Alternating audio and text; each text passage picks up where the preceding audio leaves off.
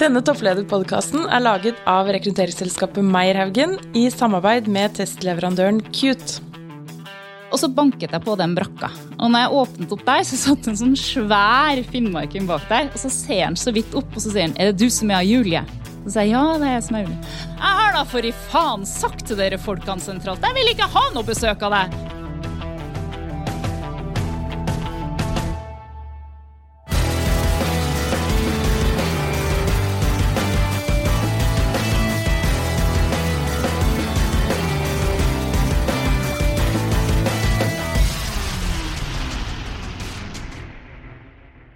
Ja, Bård. I dag er vi så heldige at vi har en veldig spennende gjest i studio. En helt spesiell gjest, vil jeg si. Ja, Og det er Julie Bråttkorp. Velkommen til deg. Tusen takk skal du ha. Bård, du har forberedt en liten introduksjon. Ja, Vi har jo besøk av en eh, tidligere toppolitiker, vil jeg si. Som eh, vi har lært nå i voksen alder har tatt lappen på dumper. Eh, Men kanskje aller mest kjent da, har hun blitt for det norske folk det siste halvåret som ja, en av hovedpersonene i en av eh, jeg tror kanskje tiårets mest omtalte rekrutteringsprosesser. Ja. Ja, Og det er Tangen-saken. Eh, og så har vi da prøvd å fritte deg litt ut om den Tangen-saken. da. Men der har du vært utrolig standhaftig. Ja, altså det er jo utrolig viktig. Altså Representantskapet er jo tilsynet til Norges Bank. Og vi har et eh, veldig snevert, men viktig mandat satt av Stortinget. Og da er det viktig at vi holder oss til det man, mandatet. Det syns jeg er ryddig. Det synes jeg er ryddig. Men vi skal innom dette litt senere, Bård. Det skal vi. Men først så tenker jeg vi skal bli litt bedre kjent med deg. Så i hvert fall Når vi leser CV-en din, så er jo den eh, ja, Bård nevnte jo litt her, da, men du er jo da du er jo leder i Kringkastingsrådet. Du er jo da leder i representantskapet i Norges Bank. Du er da administrerende direktør i Maskinentreprenørenes Forbund. Eh, Og eh, det er jeg sikkert skal, vi, skal vi kalle det MEF? MEF, ja. Nettopp. Er det ok? Det er, det er det vi kaller oss MEF. Men hvis vi skulle blitt litt bedre kjent med deg, da, eh, og hvis jeg hadde møtt deg på en eller annen sosial eh, evenement, eh, og spurte deg liksom, Julie, hva er, hva er din passion? Hva kan du prate om en hel kveld? Og du tenker, å, du inn- og utpust, og hva er liksom guilty pleasure, eller hva skulle det vært?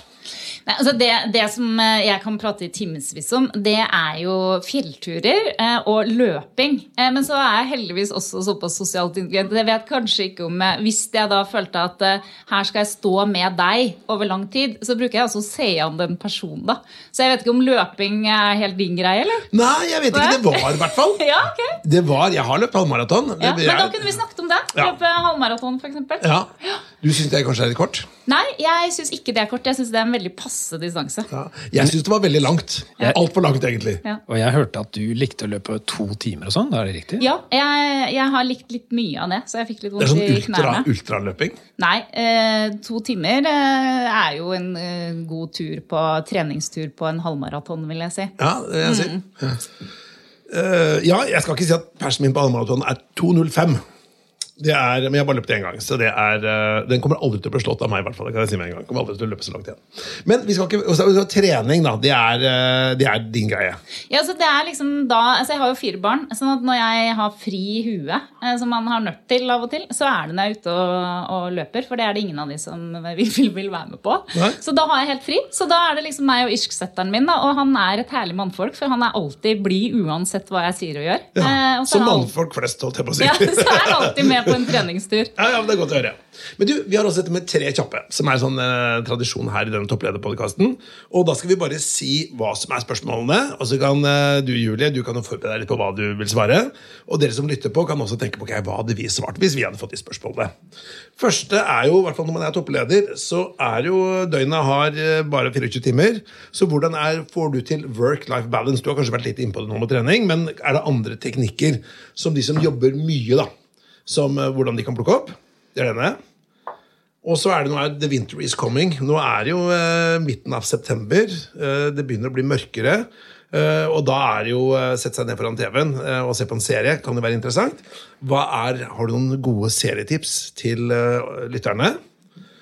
Og så har vi dette her med en liten spørsmålsstafett. Så siste podkast vi sendte ut, det var fra kringkastingssjefen Tor Gjermund Eriksen.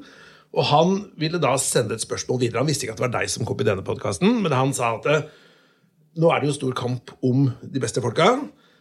Hvordan skal de gå fram for å vinne de beste hodene? Og da tenker jeg i forhold til MEF, altså din organisasjon, eller generelt. Ok? Bra. Bård, Vil du ehm, Du sa innledningsvis, eh, Julie, når vi snakka sammen, at eh, når det gjelder denne Tange-saken, så eh, kan du ikke si så mye. Men eh, kan du, eh, kan du si er denne saken over nå?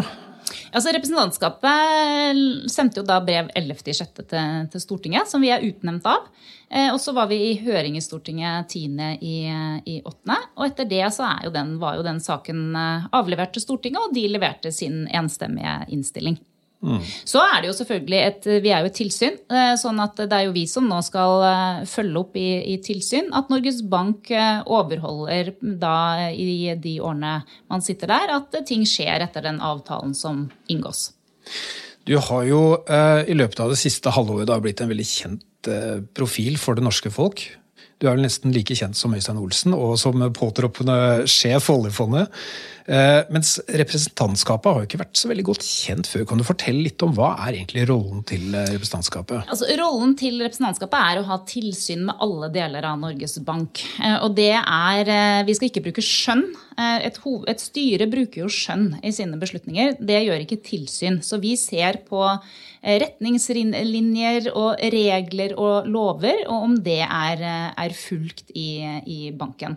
Eh, Og for andre har jo ikke representantskapet vært eh, så godt kjent. Eh, Men det, jobber, jo, dette representantskapet har jo jobbet i årevis, og vi jobber likt som vi har gjort for så vidt med denne saken. Men de har jo ikke hatt den medieeksponeringen. Um, skal vi snakke litt mer om, eh, om deg, Julie, og dine valg inn i eh, ledelse? Eh, Du er eh, 45 år, firebarnsmor, og du har jo din bakgrunn først og fremst fra politikk og kommunikasjon. Kan du fortelle litt om, om deg selv, hvis du skulle satt noen ord på hvem er Julie? Jeg, tror jeg er en ganske normal dame, som, som egentlig også har vært litt heldig på, på veien. Eh, mye i livet er jo basert på, på det også. Eh, så jeg var jo heldig, og allerede da jeg var ferdig på Handelshøyskolen, så hadde jeg vel om det var et år eller to i kommunikasjonsbransjen, men hadde jo vært med i Unge Høyre siden jeg var sånn 14-15. Ja. Så da det ble regjering, Bondevik-regjeringen, så var det Jan Tore Sanner som den gang eh, var finanspolitisk eh, talsperson for eh, Høyre på Stortinget, som da kontaktet meg, som jeg kjente fra Unge Høyre, og lurte på om jeg kunne tenke meg å søke da som rådgiver i stortingsgruppa. Hva var det han så i deg da? Eh, det, sånn som Jan Tore kjente meg den, den gangen, var jo som en engasjert ungdomspolitiker. Men så visste han jo i tillegg at jeg var ferdig på Handelshøyskolen, så det telte nok heller ikke negativt. Du har jo en eh, imponerende CV. Eh, Du har, som du har vært innom, du har vært sentral i Høyre. Du var statssekretær for Erna Solberg og stabssjef ved statsministerens kontor. Og i 2014 så ble du kåra til av Kapital da, til den sjette mektigste norske kvinnen. Eh, og, og nå er du da administrerende direktør i, i MEF. Og i tillegg så vet vi at du er leder i Kringkastingsrådet og i representantskapet. Hvordan får du tid til alt dette? Nei, altså Jeg er jo litt nerdete, det er ikke til å komme, komme ifra. For jeg syns jo faktisk det er moro, jeg, da. Eh, på Særlig, jeg har jo annenhver fris, eh, helg så har jeg jo ikke de tre biologiske barna. Og mange syns jo det høres veldig kjedelig ut da, men jeg gleder meg jo faktisk til å sitte, for det er da jeg sitter og forbereder meg både til representantskapet og til kringkastingsråd, for det er jo vervet jeg har ved siden av, eh, av eh, jobb. Så jeg tror nok for å få sånt å gå i hop, så må man synes det er gøy. Eh, Men så lenge man driver med en ting som man syns er gøy, så får man energi av det. Eh, Og jeg får mer energi av da å ha eh, den type spennende verv enn jeg hadde hatt av å bruke mer tid på serier eller ja, venninnetreff og den type ting. Og det gjør nok også at man får da fort venninner som er like nerdete på et vis. da, eh, Som gjør litt av det samme. Så vi har jo ganske spesielle venninnemiddager når vi først eh, har det. Med, hvor sikkert de rundt tror vi er veldig uenige og veldig fine, men det er veldig mye diskusjon. Mm. Når, når var du forsto at, eh, altså, når var du forsto at dette var din vei? Altså veien inn til ledelse og politikk? Nei, Det tror jeg ikke jeg forsto først, egentlig. Det tror jeg egentlig det var noen eh, personer i, i, i Høyre. Altså det var Høyres stortingsgruppe eh, da, da jeg var der, og da under Jan Tore, var et fantastisk sted for en ung person å komme inn. Eh, Fordi eh, mye av det man er avhengig av i ung alder for å tørre å tenke på seg selv som en mulig leder, eh, enten mellomleder eller leder, er jo det å få bygd selvfølelse på det. Og da har det jo veldig mye å si hvordan de første sjefene du får, er og behandler deg. Og han er veldig flink med mennesker. Altså, jeg har alltid sagt at Jan Tore Sanner har alltid vært Høyres sosialminister internt. Han er veldig flink til å bygge team og bygge mennesker og se styrker hos mennesker, og det har vært viktig for meg. Men nå er du ute av, eh, i hvert fall av partipolitikken. Er du ferdig med politikken? Ja, jeg, jeg er eh, helt ferdig med, med, med, med politikken. Eh, Jeg var jo også av de som da jeg begynte i Høyres stortingsgruppe eh, Når man er ung, så tror man jo kanskje at livet er litt mer mulig å planlegge. Da. Så jeg var nok en sånn der, litt ekkel NHH-student som trodde alt kunne settes opp i livet i et Excel-ark. Og da hadde jeg bestemt meg for at jeg skulle være to år egentlig, i stortingsgruppa. For da kunne jeg liksom, da kunne jeg det. Og så skulle jeg inn i næringslivet. Så var det jo først da jeg var eh, over 40, eh, når en headhunter da kontakta meg, eh, som hadde hørt meg si dette før i andre samtaler, at nå begynner det kanskje å bli på tide. Hvis du skal etablere deg i næringslivet og skifte. Så det var litt bakgrunnen for at jeg gjorde det. Så jeg, er er ferdig med politikk. Jeg har lyst til å være næringslivet. Ja, fordi Det var jo egentlig et spørsmål vi hadde. fordi Det var kanskje ikke helt naturlig å tenke det skiftet da, fra politikk og toppolitikk til, eh, til MEF. Eh, Og Kan du fortelle litt mer om valget ditt? Hvorfor ble det det? Ja, altså Når du sitter som, eh, som politiker, og særlig på statsministerens kontor eh, Og det var litt den type roller jeg hadde hele veien i politikken. Jeg begynte jo som nærings- og finanspolitisk rådgiver, men gikk jo ganske fort over til å ha en litt mer overordna rolle. Så lærer du litt om alt, men ingenting godt. Jeg hadde lyst til å lære meg en bransje. Eh, og da hadde jeg noen kriterier til den, eh, den eh, bransjen. Det skulle være en bransje jeg mente var av stor viktighet eh, for landet vårt. Eh, det skulle være en, eh, en bransje som trengte min kompetanse. Eh, og, det var, og så skulle det være en, en, en bransje eh, og en type jobb hvor jeg fikk lov å bygge mitt eget team og egen kultur. Og Det kan høres veldig selvfølgelig ut, men det er ikke så enkelt å finne et styre som, som gir deg alle de tre tingene og den friheten. Eh, Så når jeg ble kontakta om den jobben, så må jeg innrømme at først var jeg veldig skeptisk, for jeg hadde ikke hørt om den. Men når jeg da fikk oversikt over at vi da organiserte 83% av hele, hele anleggsbransjen, en av de bransjene som omsetter for mest i hele Norge, 40 000 ansatte, eh, masse forskjellige lønnsforhandlinger på ulike overenskomster, eh, og jeg i tillegg ikke hadde hørt om dem, da, så følte jeg litt det var en sånn diamant som jeg kanskje kunne få til å vise frem. Så det var mye av- rough. A diamond in the rough. ja, så det, det var veldig mye min motivasjon da, bak det.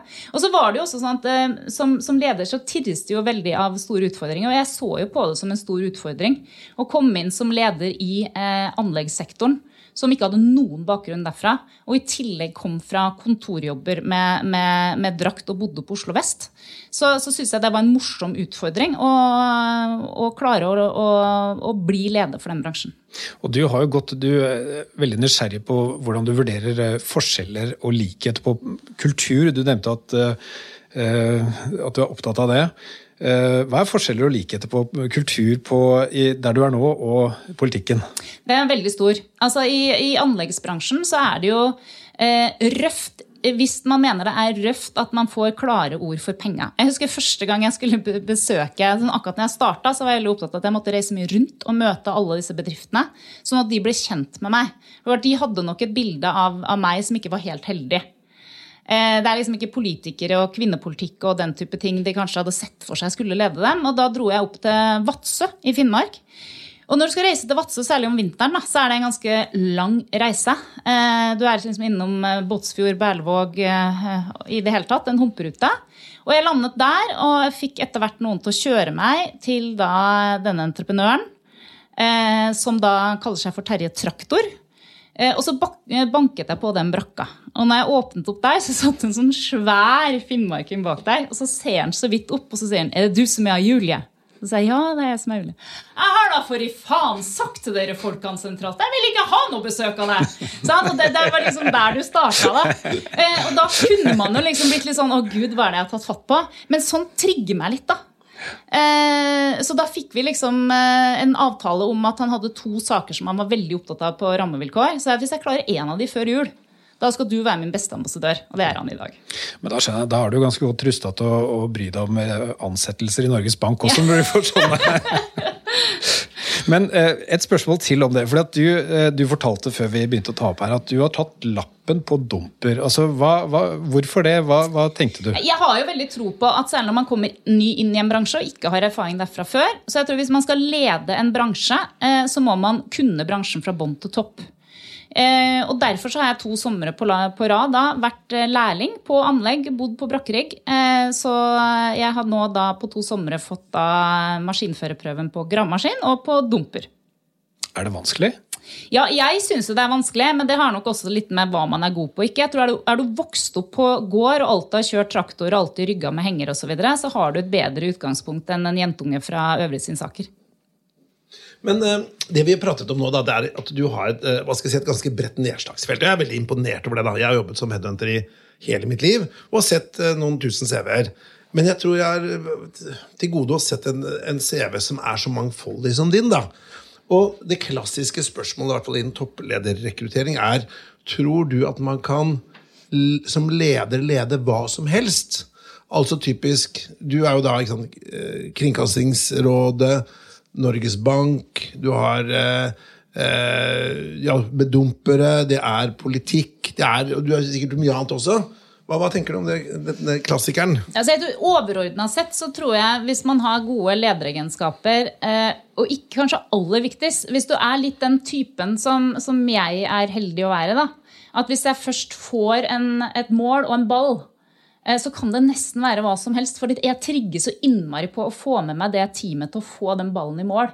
Om det, om, om det er liksom eh, nye regler for, eh, for, hva slags hjullaster du kan ha på anlegg, eller om det er noe i Norges Bank, eller om det er i Kringkastingsrådet. Men så er det selvfølgelig forskjell. Altså, jeg, jeg, kunne ikke vært sentralbanksjef, naturlig nok. Jeg kunne ikke vært oljefondsjef, for det er jo noen typer jobber du faktisk må ha en veldig spisskompetanse på. Men overordna ledelse så tror jeg det viktigste er at du har en evne til å bli sugen og få tenning på det du skal drive med. Og det tror jeg nok jeg har i meg, da, og det har jeg også sett i politikken. at på statsministerens kontor så er det jo sånn at vi statssekretæren fordeler jo departementene mellom oss. Og det kan være veldig ulike departementer. Jeg hadde ansvaret der for landbruksforhandlingene, men jeg hadde også Barne- og likestillingsdepartementet. Veldig forskjellige saker og departementer. Men jeg fikk like mye tenning på begge deler. Og det tror jeg mange av oss ledere har litt i oss. altså. Men hvis du da tenker, det er jo fra din eget synspunkt da, hvis du tenker fra sånn at du kan få finne like mye motivasjon av å drive med forskjellige ting, og that's fair. Og der, der er jo, det kan jo sikkert mange kanskje kjenne seg igjen i. Men hvis man tenker ut fra en sånn effekt, da, hvor flink man er i det Nå tenker jeg ikke deg personlig, for du er jo åpenbart en flink person. Men hvis man, eh, altså, jeg, jeg, eh, studerte litt på Harvard, og da sa de at uh, You can train a turkey to climb a tree, but I rather use a squirrel. Og tankegangen der var at ja vel, motivasjonen din er jo én ting, men altså, det blir liksom litt din sandkasse å prøve å få det til. Mm. Men hvis du hadde for tatt en som var tungt inne i da, la oss si, maskinentreprenørenes verden, ville de kanskje hit the ground running raskere? Altså, sånn, du hadde jo sikkert en oppoverbakke når du kommer i brakka. da. Jeg ser for meg andre politikere som kanskje kunne tatt det møtet litt bedre. da. Eller ikke tatt det bedre, men kanskje vært litt mer velkommen i utgangspunktet. Uh, uten nevne navn. Men tankegangen er at, at uh, for det første krever det en ekstremt bratt læringskurve for deg. Men så er det vel et annet poeng også at kanskje man kan se bransjen utenfra. da. Det er noen plusser og minuser. Ja. Og jeg tror det er veldig viktig topp, eh, altså på toppledernivå. Jeg tror eksempel, jeg hadde ikke vært en god mellomleder i MEF. Da må du ha mer det faglige. Jeg kunne jo ikke vært satt til å lede fagskole, fagskoleavdelingen vår, f.eks. Altså, da må du ha en helt annen kompetanse. Men en toppleder skal jo lede en total organisasjon. Og da har jeg opplevd det som ganske fint. Ja og faktisk ikke måte, kunne hele stammespråket og være del av stammen, men kunne se det litt utenifra. Og kunne gi noen nye impulser inn. da. Eh, og det, det, opplever jeg også i representantskapet i, i, Norges Bank. Altså jeg tror faktisk det er veldig nyttig for meg når jeg, når jeg sitter der, leser gjennom ting og vi har saker, at jeg har min hverdag på brakka. Det tror jeg veldig, er veldig nyttig. Det er nyttig i forhold til eh, språk. Det er nyttig i forhold til å stille spørsmål eh, utenfra. Og, og, ikke minst i Kringkastingsrådet. Eh, men så er det klart at, eh, at, i noen jobber så må du ha Jeg ville ikke plassert en stabssjef på statsministerens kontor som ikke har politisk erfaring. Så det kommer jo helt an på, på jobben, selvfølgelig. Ja, men en, en, kompis av meg da, som han sa at hans beste råd da, var at hvis du skal gjøre en ting, uh, utvikle noe, da, f.eks. sånn som, sånn som uh, en, uh, ja, du skal innovere en bransje, da, så sier han at du må ikke ta noen fra bransjen, du må ta noen som er smarte, men som kommer utenfra. Og en annen vi har hatt på podkast her før, han er Karl Axel Bauer, han som har vært i Askeladden. De, når de putter toppsjefer i disse, disse selskapene de starter, så tar de ikke noen fra bransjen. Nettopp fordi de må kunne se det utenfra. Du må liksom ta vekk det som er er unødvendig. da, Å mm. drepe noen hellige kuer, for å si det på den måten. Mm. Ja, og det er nok det, er nok det samme, eh, samme, tror jeg, i alle bransjer. Men som sagt, jeg ville ikke ansatt mellomledere som ikke hadde bransjekunnskap. Så det er en forskjell for meg. Mm. Ja. Men tror du du kunne vært sjef altså Hvis noen hadde sagt at ah, nå er jo den jobben besatt, da, men la oss si at sjef i Nav, da, for eksempel. Liksom, det er noe helt annet igjen. Kunne du liksom, hadde sagt ja til noe sånt? Da? Vet du hva, Det ville vært helt useriøst av meg å svare på, for jeg har ikke satt meg nok inn i hva Nei. som ville kreves i den, den stillingen. Men jeg er veldig glad for at vi har fått den sjefen vi har nå. For han er veldig kjent for å være innmari flink. altså En sånn person som hva enn du setter han til, så blir det orden. Ja, for han leder leda jo skatt i, ja. på god måte. Men tankegangen min var da at kunne du gått inn i en kompleks organisasjon, da? Altså, det blir ikke noe særlig mer komplekst enn Nav, vil jeg tippe. da. Nei, og jeg tror ikke du får det så veldig mye mer komplekst enn en statsministerens kontor heller, hvor du skal lede alle departementer og i utgangspunktet hjelpe en person å, å, lede landet. Så det, det, jo, det, var jo en veldig kompleks jobb. Ja, mm. det skjønner jeg. Kan du si litt mer om det? Altså, hva, eh, hva er det i dine øyne som kjennetegner god ledelse? Fordi du, jo, du, sitter selv nå som toppleder, og du sitter i lederposisjon i veldig sentrale verv, og har jobba veldig tett på makten. da. Ja, og jeg, jeg ser jo um, altså Jeg bruker jo alltid sine Hvis jeg får spørsmål, for nå begynner jeg å bli en gammel dame, så nå begynner man å få sånne spørsmål sånn Hva er ditt råd når jeg skal søke meg jobb og sånn, fra sånne uh, flinke studiner og studenter på Handelshøyskolen f.eks. Og da bruker jeg at jeg har ett råd, og det er å finne deg en god sjef. For hvis du finner deg en god sjef, egentlig uansett hva du begynner å jobbe med, så vokser du. Og det er så veldig veldig viktig. Og jeg har vært veldig heldig, for jeg, jeg har hatt og har gode sjefer. Altså Først hadde jeg jo Jan Tore som jeg for, Sanner som jeg har forholdt meg mye til. Eh, og så kom jo, etter noen år, så, så, var det jo Erna Solberg jeg forholdt meg til i særdeles mange år. Og det de har eh, likhet eh, med de, er jo at de er veldig flinke til å se mennesker. De er veldig flinke til å gi konstruktiv kritikk. De gir absolutt kritikk, men var veldig flinke til å avslutte samtalen med noe positivt. Og det er så innmari viktig. Og nå har Jeg også da, sånn, jeg synes han er kanskje den tøffeste personen jeg kjenner, er jo styrelederen i MEF som turte å ansette meg. Så han visste jo det at når det Arnstein Repstad.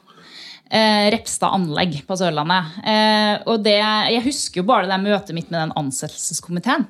Sånn at det sitter, eh, sitter, eh, ganske sånne svære, litt opp i åra karer, gjerne litt åpen skjorte, gullsmykke, gynger litt på stolen. Ser på hun der dama, de har googla meg. Eh, kommer opp masse feminisme og politikk og sikkert noen Petter Stordalen-fester og litt sånn forskjellig, liksom. Men så klarer de å skille bort det, og så mente de at jeg leverte på en måte på de presentasjonene vi skal holde. Men han vet likevel at når jeg lanserer det her, da får jeg motbør. Hva skal dere med henne, liksom? Det er ikke den klassiske kandidaten Nei, for seg. Men han er innmari flink, fordi han sa det rett til meg òg når vi hadde en samtale. At det, det blir nok en oppoverbakke til å begynne med, men vit at jeg står der dønn bi. Du kommer ikke til å oppleve én gang eh, når du forholder deg til det mandatet du har fått fra, fra ditt hovedstyre, at jeg backer. Og hvis kampene blir tøffe, så er det jeg som skal ta de for deg. Men hva er, hva er mandatet ditt, da? Mandatet mitt var ganske tøft, egentlig. Det var at jeg skulle eh, egentlig omorganisere hele organisasjonen fra å bli sett på som en litt satt organisasjon til å bli en serviceorganisasjon. Jeg skulle, altså jeg skulle skifte ut en, en, del personer som alltid er røft, særlig når du begynner på en lederjobb. Og det er en organisasjon hvor veldig mange har jobbet der i, i noen, altså mange har jo hadde jobbet der i 20 år.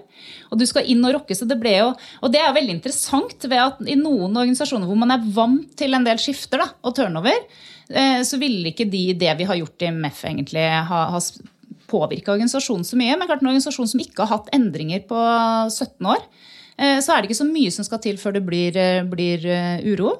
Og så hadde jeg jo et helt klare krav til at nå ville de bli synlige. For det hadde det ikke vært. Vi ville bli synlige. Og det fikk jeg liksom seks måneder på meg. skulle det være synlige. Og vi skulle oppnå fastsatte ting på rammevilkår. Så det var ganske tøffe ting eh, som du måtte, måtte, levere på, samtidig som du skulle skape uro i en organisasjon.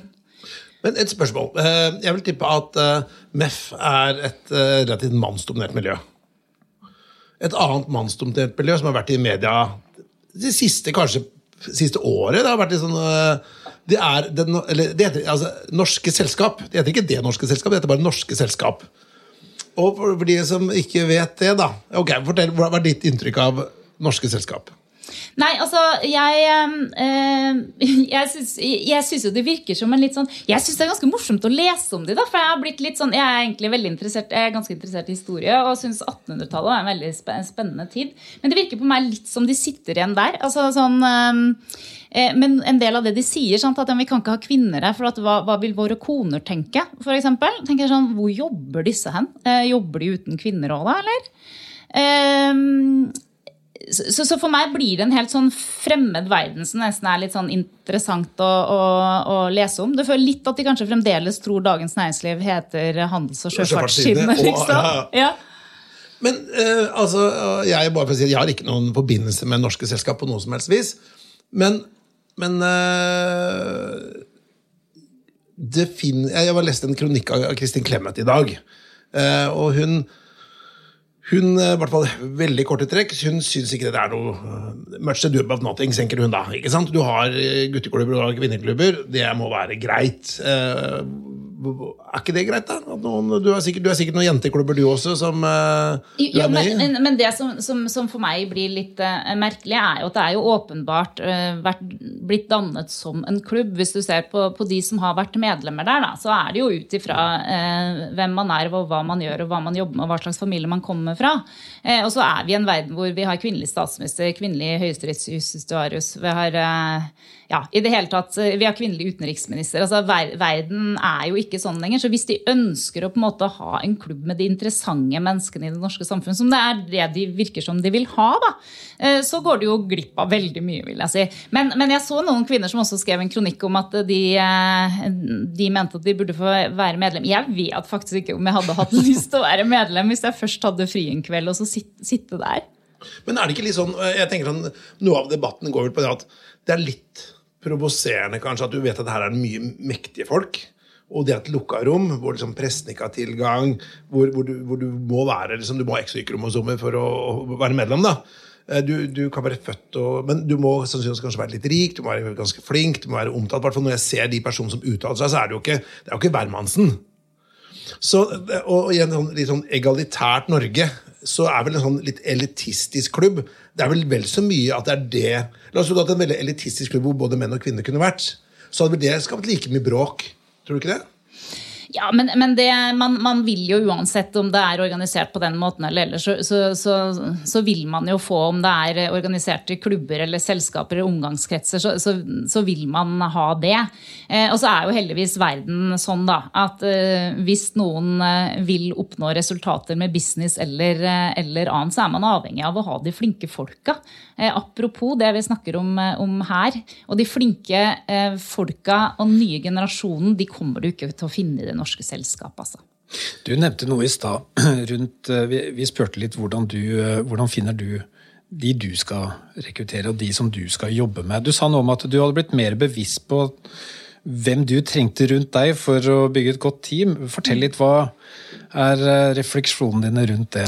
Nei, altså, man, det, det deilige med å bli eldre, da, det er jo at man blir jo bedre kjent med seg sjøl. så gjennom andre jobber så har man jo Jeg har vært heldig, da, som har hatt både sjefer og medarbeidere som har turt å være ærlige med meg. Så jeg vet at jeg kan eh, For det første så kommer jeg fra, fra politikk.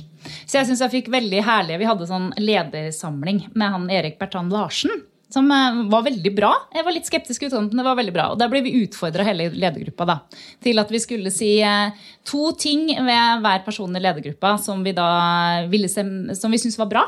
Og så skulle vi si to ting ikke som var negativt, men som vi ville se mer av. Ja, spennende.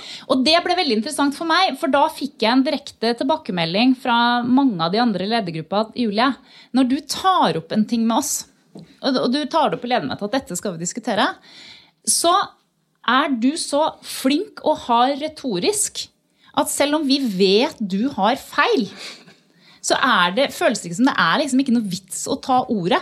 Og klart, Det er en veldig viktig tilbakemelding som, som Kunne overkjøre dem litt? leder. Ja, for, og Det er nok litt skummelt med oss som er vokst opp i kommunikasjon og politikk. At du er jo oppfostra, det må man være seg veldig bevisst, du er oppfostra til at uansett sak du får, skal du sitte i et debattstudio og forsvare et partiprogram? Du kan ha vært helt mot det punktet i partiprogrammet, men du er trent at når det først er vedtatt, da argumenterer du beinhardt for Walk the line. Ja. Så det har man nok blitt litt for god på. da. Sant? Og det å huske på at det, det er ikke god ledelse. Det er ikke, det er ikke, det er, Og da trenger jeg folk rundt meg som jeg har nå, som sier til meg at du argumenterer veldig godt, men du har feil. Og som tør det. Og du skal ha litt guts. Og jeg har, så jeg har den egenskapen. Så har jeg en annen eh, egenskap som kan være god, men som kan være veldig negativ òg. Og det at jeg kan ha behov for å uh, gå veldig raskt. Altså handle veldig raskt. Uh, Så jeg trenger en ledergruppe rundt meg som er litt mer den der la oss tenke oss litt om, la oss analysere litt, la oss sove litt på det. Da får jeg helt noia. Men jeg trenger at de da er så tøffe at de tør å holde meg nede. Jeg blir litt nysgjerrig. Det er veldig, veldig fint at du deler dette. Det veldig, og jeg tenkte nett, nettopp på det at du, eh, en, en rød tråd i lederskapet ditt er jo kommunikasjon også, for jeg vet du har vært i byrå. Men det du egentlig sier, det er at eh, det er en Man må være litt klar over sine sterke sider også. Man må være klar over at en sterke sider er ofte også de negative sidene. Men du, Det er litt interessant, for nå skal vi gå over til dette med personlighet. da. Det er et sånn fast spalte vi har her. Og uh, Vi gjør dette i samarbeid med Cute, som er en av verdens ledende eh, leverandører av personlighets- og evnetester. Og De har noe som heter Shapes Executive. Og Det er en test som går på dette med topplederskap. Altså mellomting mellom, eller Det er en forskjell på å være leder og så er det å være toppleder. Og Nå skal jeg da lese opp noen eh, personlighetskategorier, og så skal du se om da er det ja eller nei, eller kanskje, da. Eh, Det er, du får ikke noen flere nyanser enn det. Og så eh, liksom, liksom off the bat, hva, hva tenker du? Og så går vi går litt inn på det etterpå. Er du ok? Klar? Og dere som lytter, kan også tenke hva ville jeg ha svart? Ok. Overbevisende. Ja. Hensynsfull. Kanskje. Tenkepause. Resultatfokusert. Ja. Besluttsom. Ja. Teoretisk. Nei. Optimistisk. Ja. Behersket. Nei. Entusiastisk. Ja. Spennende. Så dette med hensynsfullhet og beherskethet det, og, og teoretisk, der var du liksom, det er de tre du tenker at eh, kanskje ikke. Det, det er der jeg er veldig bevisst på at jeg må ha andre som i hvert fall har mer av det enn meg. Altså, det er klart det spørs hvor, altså, jeg tror I anleggsbransjen blir jeg sett på som, som teoretisk og behersket. Det spørs hva slags bransje man Hva er benchmarken din? Ja. Ja. Men, men, men det, er, det, er, det er felt hvor jeg, jeg trenger min NK i MEF, f.eks. Eh, Stein Gunnes, som er veldig analyse, sosialøkonom. Eh, veldig kan, kan alt av teori, sånn som når vi sitter i lønnsoppgjør og alt mulig. Eh, og jeg, jeg trenger eh, min kommunikasjonssjef som er mye mer sånn rolig, behersket type enn meg. Som kan klippe meg litt i låret hvis eh, vi er i hovedstyremøte og jeg drar den litt langt. liksom. Ja. For det som er tankegangen på denne med personlighet, er at eh, det er plusser og minuser om du er høy eller lav. er tankegangen, ikke sant? Så la oss si at hvis du er overbevisende, da Det kan jo være, høres ut som en fin og positiv egenskap at du klarer å, å få fram dine argumenter, og du, du argumenterer så du treffer målgruppen. og Det er sånn kommunikasjonsteknisk veldig bra. da. Men som du sier, er du for god til det, så kan et, et, en dårlig idé bli solgt inn. Og en dårlig eller en god idé ikke bli solgt inn hvis du er dårlig på det. Hensynsfull er du f- Så du, du, du lo litt da når du sa hensynsfull. Eh, men kan ikke du fortelle tilbake at denne med hensynsfullhet Har du noen gode historier på hvor du kanskje har vært litt lite hensynsfull? Eller, litt for, eller var du veldig hensynsfull overfor eh, Øystein Olsen her om dagen? Er det lov å spørre om det? Jeg tror ikke han, jeg tror ikke han syns du var sånn superhensynsfull. Nå kjenner jeg Øystein Olsen litt. Jeg har jobbet som sagt som rekrutteringssjef i Norges Bank i mange år, så jeg kjenner Øystein ganske godt. Og han er ganske hensynsfull, da. Men det, det har jo med roller igjen, eh, roller igjen å, å, å gjøre, da. Eh, og det, det, der må jeg faktisk innrømme at jeg tror noen jeg kan oppleve liksom at noen kan, kan jeg, Apropos sånne sosiale sammenkomster, det jeg syns er rarest der, da eh, Og det, det går jo helt i perioder. Du sa liksom ja, nå har jeg vært veldig profilert, men du vet, det går tre uker, så er det ingen som husker deg. Sånn er jo heldigvis, vil jeg si, eh, medieverden. Men akkurat nå har jeg nok vært litt sånn periode hvor du kommer i et selskap kanskje med ukjente, og så tror de at du er sånn og sånn. Eh, og, og sannheten er at for meg personlig så har det vært det, det tøffeste med hele den saken i Norges Bank, har, har vært at du har et mandat som du må gjøre. Hvor du må påpeke hva representantskapet eh, mener. Og så har det blitt oppfattet til å være på en måte en kritikk av kanskje en av de personene jeg har mest respekt for. Og det er Øystein Olsen. Det er Øystein Olsen. For jeg har jobbet med Øystein Olsen nå i, i, i noen år. Han er særdeles flink leder. Eh, særdeles eh, flink med folk.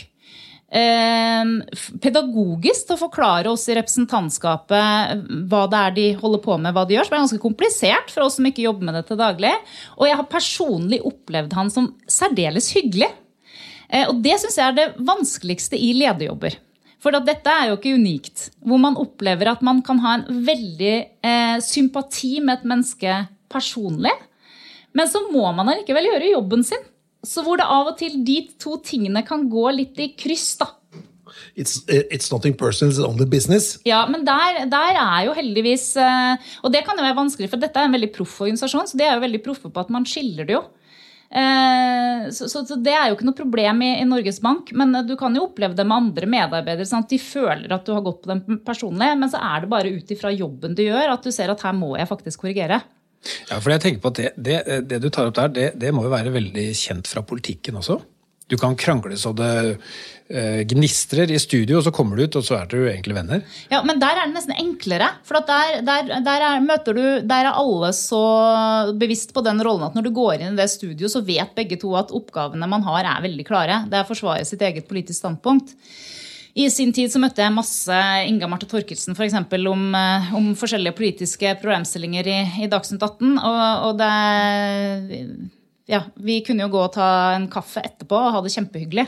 Men der, der er du veldig vant til i politikken. da. Men, mens kanskje, som jeg opplever i, i næringslivet, er man ikke kanskje fullt så trent på det som man er i politikken. Så det er nesten vanskeligere der. Jeg vil tilbake til Øystein Olsen. da, som sagt, Jeg kjente han, eh, og En sånn liten sånn eh, fun fact om Øystein det er at han kan navnet på alle i Norges Bank. Alle 350. Og det kunne han. Altså, Ny person inn, husker navnet. Og, den, og liksom du møter han i gangen, sier han 'Hei, Petter'. Og hadde ikke jobbet der med en tre minutter. liksom. Hei, og kan navnet på alle. Og, og, og liksom Hvis det er kø i kantina, så står han og venter. Altså, han er en fantastisk fin fyr. Ja, Det si. det, det samtykker jeg i. Det er han virkelig. Ja. Mm. Og så har vi jo Stabæk til felles, da, for jeg har en sønn som spiller på Stabæk. Hva sa du at du hadde? En sønn som spiller på Stabæk. På hvilket lag? På eh, 06. Å ja, Ja. Nei, så det, det er akademi, eh, akademiet deres. Og der er det veldig typisk Øystein Han er hele tiden da oppdatert på hvordan det, det går for da gutter 06 på Stabæk. Så er han er jo veldig, han er en veldig hyggelig fyr. Det er sant, det. Jeg Og det er tøft i sånne prosesser. Ja, jeg er litt sånn Vålerenga-mann. Jeg skjønner når jeg hører ordet Stabæk. Så bare forvrenger det litt i øret mitt. Ok, Men du, vi skal prate litt om disse tre kjappe. For eh, vi hadde jo disse spørsmålene innledningsvis, og nå skal du litt i ilden, da. Så bare for å repetere spørsmålet. Hva er ditt beste tips for work-life balance for toppledere eller andre som også jobber mye? Ja, Altså, jeg, jeg har nok altså Nå er jo barna mine litt større. De er, fra, de er 12, 14, 14 og 17. Eh, Det gjør jo livet litt enklere. Men jeg har nok eh, fra jeg begynte å jobbe, og særlig siden jeg ble alene med, med barn, eh, vært ganske kjedelig på, på planlegging. Altså jeg planlegger nesten hver time. Eh, For da får man Det høres veldig kjedelig ut, men da får man gjort veldig mye mer. Og så sikrer man seg at man får den eh, balansen. For jeg har også hatt perioder hvor jeg ikke har vært god på balanse. Og da har jeg etter hvert heller ikke fått til jobb. For har du dårlig samvittighet hjemme, så blir du ikke god på jobb heller. Så, og så har jeg faktisk samtaler en gang i halvåret med ungene. Eh, Hvor jeg sier at ok, eh, nå, har jeg, nå er dere fire stykker. eh, Jeg kan ikke, åpenbart ikke være på alle treninger og alle kamper. Så nå må dere hjelpe meg å sette opp hvilke er det viktigst for dere at jeg er på. Og så settes det inn i kalenderen før noe annet kommer inn. Har de kalendere selv, de, da? Eh, nei, det, det er jo jeg som har ansvaret for den kalenderen, da. Så du er nærmest sånn medarbeidersamtale med barna dine? Men det er veldig fint, da. For Ja, ja. det- er jo de beste til å på en måte gi ganske klare Ja, for de prioriterer for, ja, Du må i hvert fall huske på det, for det betyr for mye for meg. Men det er ikke sikkert det samme som du hadde tenkt. Nei. Ok, Så planlegging. Ja. Uh, det vi prater om serietips, da, det er Hva skal jeg si eh, Det er eh, filmens eh, rike storebror. Det er jo seriene. Eh, hva, er, hva er favorittserien hos deg? Altså jeg må innrømme at sånn generelt sett da, Før korona så, så, så var det sånn jeg ble leder av Kringkastingsrådet, så måtte jeg jo prioritere NRK. da. Så når jeg da løper på tredemøllen, så må jeg alltid se NRK for å ha sett gjennom programmene. Og særlig alle klagene. Ehm, men nå i korona så har man jo fått litt bedre tid. eh, så da har jeg eh, blitt, ble helt hekta på en sånn Netflix-serie som heter Mørkt begjær. Oi, det spennende ut. Eh, Ja, men det, den kan høres litt annerledes enn det er egentlig. Men den er innmari spennende. Ehm, Det går på NRK? nei, nei, nei. det- Den er Netflix. Så, ja, så jeg, men det er sånn koronafenomen for meg. Men okay. ellers så Så Et sted å høre til var jo den før det. da, Den går jo på NRK. Ja, ja. Ja. Så den har jeg sett alle. Bård, din, eh, har du noen eh, serietips? Ja, må Kanskje nevne noe fra NRK, da. Ja, du, vi, er ikke, vi har ikke noe affiliation med NRK, så her står det fritt, eh, Bård. Nei, Et sted å høre til, den har jeg også sett. Ja, den er veldig fin. Den er veldig fin. Ja. Veldig fin. Så det er, jeg deler det tipset. Ja, nettopp. Bra. Du, eh, Da er det siste, og det er litt pussig, for det er jo fra NRK. Vi hadde jo eh, Tor Gjermund eh, Eriksen, som er kringkastingssjef, eller K-sjef, som de sannsynligvis sier. For det heter jo K-rådet, så kringkasting er bare K, kanskje. Ja. Eh, og da så har vi en sånn liten eh, hva skal jeg si, en stafett, da, og så sier han at neste gjest, som da ikke han visste hvem var, still det spørsmålet. Nå er det jo veldig hard kamp om, om det å få tak i de beste folka. Så hva, hva gjør du for å få tak i de beste folkene i de organisasjonene du har noe med å gjøre? Og der har jeg opplevd egentlig at eh, det samme er gjeldende for, eh, for MEF som det var da jeg skulle prøve å overbevise folk om å kanskje gå fra veldig godt betalte jobber til å bli statssekretærer i regjeringsapparatet. Eh, Det er at du må selge inn jobben som spennende, at man får utvikling. Men så opplever jeg at eh, noe som de aller beste hodene er veldig opptatt av i den type prosesser, er hvordan eh, det legges til rette for at de kan ha en balanse i livet. Og det, det opplever jeg bare på de siste ti årene. At, at særlig folk som er litt yngre enn meg, er enda flinkere enn vi var til å ha det i mente når de først vet at de har mange tilbud. Ja, Spennende. Eh, mitt beste råd da, for å selge inn eh, stillinger, det er ikke underkommunisere det som er vanskelig. For de flinkeste folkene, de vil ikke ha lett. De vil ha vanskelig. Så um, aldri, og det mener jeg er liksom den største feilen med rekruttering, er ikke den største, men det er i hvert fall en av de største, det er, det er å, å være liksom uh, sugar it up. Bare si at det er, og si nesten at det er enda vanskeligere enn det er. Spesielt hvis du skal være toppledere. For de må vite hva de går til. Bra. Du, det er Fantastisk spennende å ha deg her i studiet, Julie. Det må jeg si. Eh, Vi skulle gjerne ha prata enda mer om Tangen-saken. Fått noen juicy details der. Så det får bli off the air, da, i tilfelle. Hva tenker du, Bård? Nei, nå, Vi har fått vite enda mer om Øystein Olsen på et veldig sympatisk måte, syns jeg. Ja. Ja. Nei, han er veldig fin fyr. Mm. Du Tror du ikke du prøvde å få tak i Øystein Olsen i en topplederpodkast? eller? Ja, det kan dere prøve på. Da vil jeg kontakte Runar Malkenes, ikke Runar, meg. jeg, var, jeg var med å ansette Runar i sin tid, så han kjenner jeg ganske godt. Men du, dette er en shout-out til eh, deg, Julie, eh, og det er en shout-out til Norges Bank eh, og Øystein Olsen. Det må vi si. Men takk for at du kom i studio i dag. Tusen takk for at jeg fikk komme. Har du innspill eller kommentarer til denne podkasten, kan du sende en e-post til toppleder at meierhaugen.no.